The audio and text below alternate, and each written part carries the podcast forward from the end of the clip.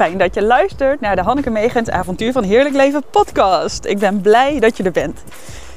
In deze podcast ga je luisteren naar een deel van mijn verhaal. En aangezien ik geloof dat we allemaal één zijn, weet ik ook zeker dat je hier delen van jezelf in zal herkennen. Wat ik je echt gun, is dat je jezelf bevrijdt van een hokje. Je hoeft nergens in te zitten. Sta jezelf maar toe om voluit te zijn wie je bent. Ik wens je veel luisterplezier en ik hoor heel graag van je na afloop. Fijne dag!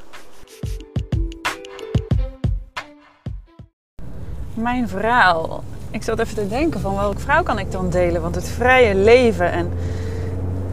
Ik kreeg net 800 miljard veren in mijn reet van uh, Suus.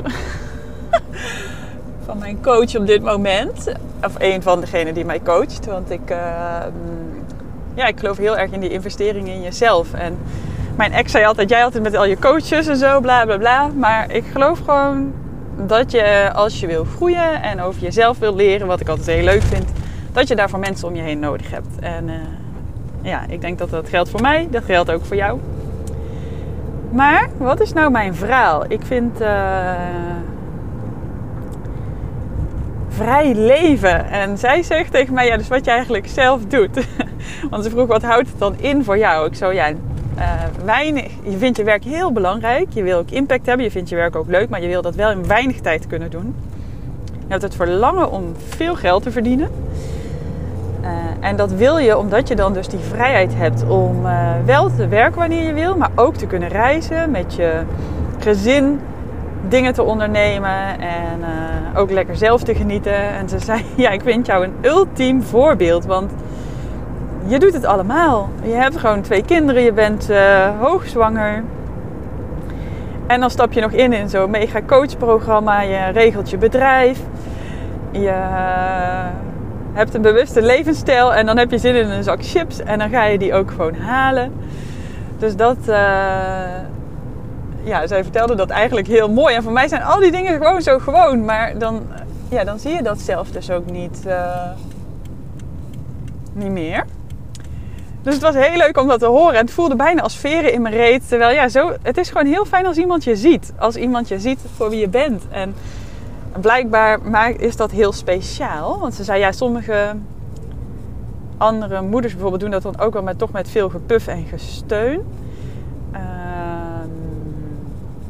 maar dat is zo. En ik leef in een fantastisch mooi huis. En ik heb fijne vriendinnen. En ja, dat, ja, dat gaat. Voor mij is dat heel, inderdaad heel normaal. Maar dat is natuurlijk niet altijd zo geweest. En dat is dus het verhaal wat ik met je wil delen. Want ik herken dit zo erg. Vooral toen ze ook zei. Ja, en dan ga je gewoon uh, die zak ook nog eens leeschips halen. Weet je wel, niet zo'n biomerk, maar gewoon lekker chips waar je zin in hebt. Ja. Uh, ik vertelde dat volgens mij pas ook eerder van ook zo, ja, van wat, hoe mijn klanten zijn. Maar eerder heb ik ook wel in die hokjes gezeten en daarin uh, dat ik al voelde, ja, dat past me niet. Toen ging ik na de, op de middelbare school, op een gegeven moment heb ik in de tweede klas mijn haar blauw geverfd. Terwijl ik had allemaal echt vette kakkers als vrienden, tandartszoontjes, dokterzoontjes en dat soort dingen.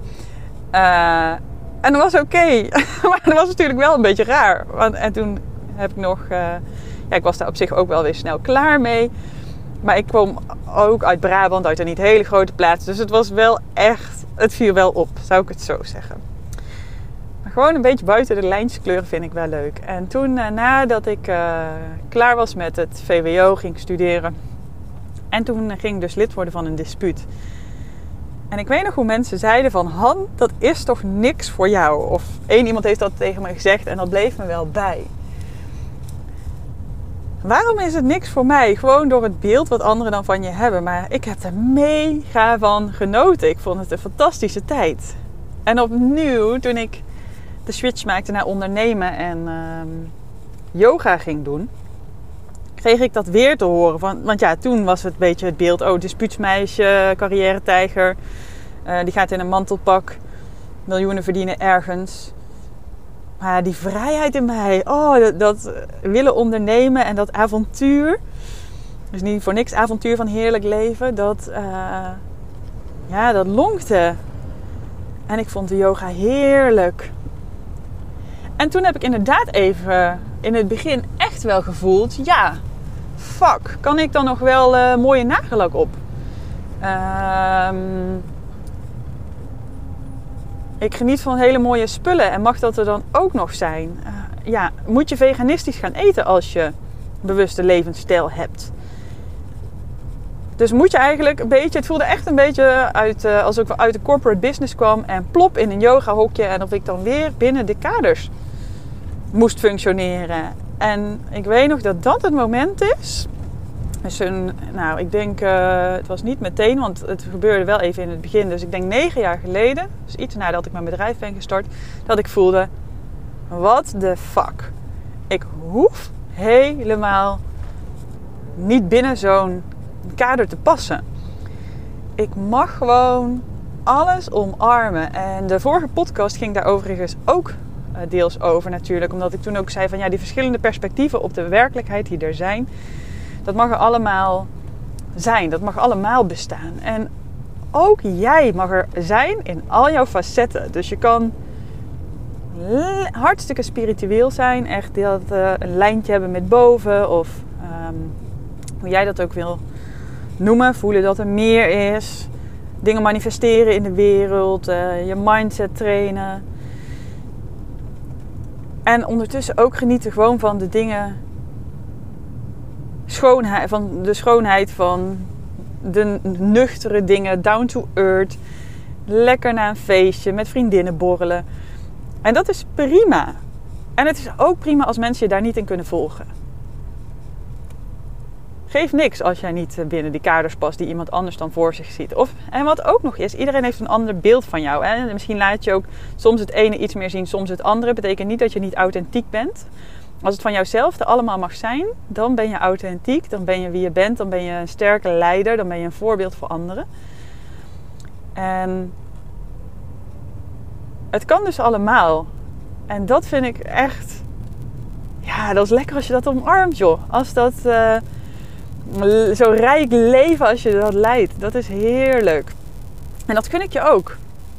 Dus eigenlijk gewoon een korte inspiratiepodcast en ook iets wat in mijn, in mijn hoofd zit. Waarvan ik denk, ja, this is my story.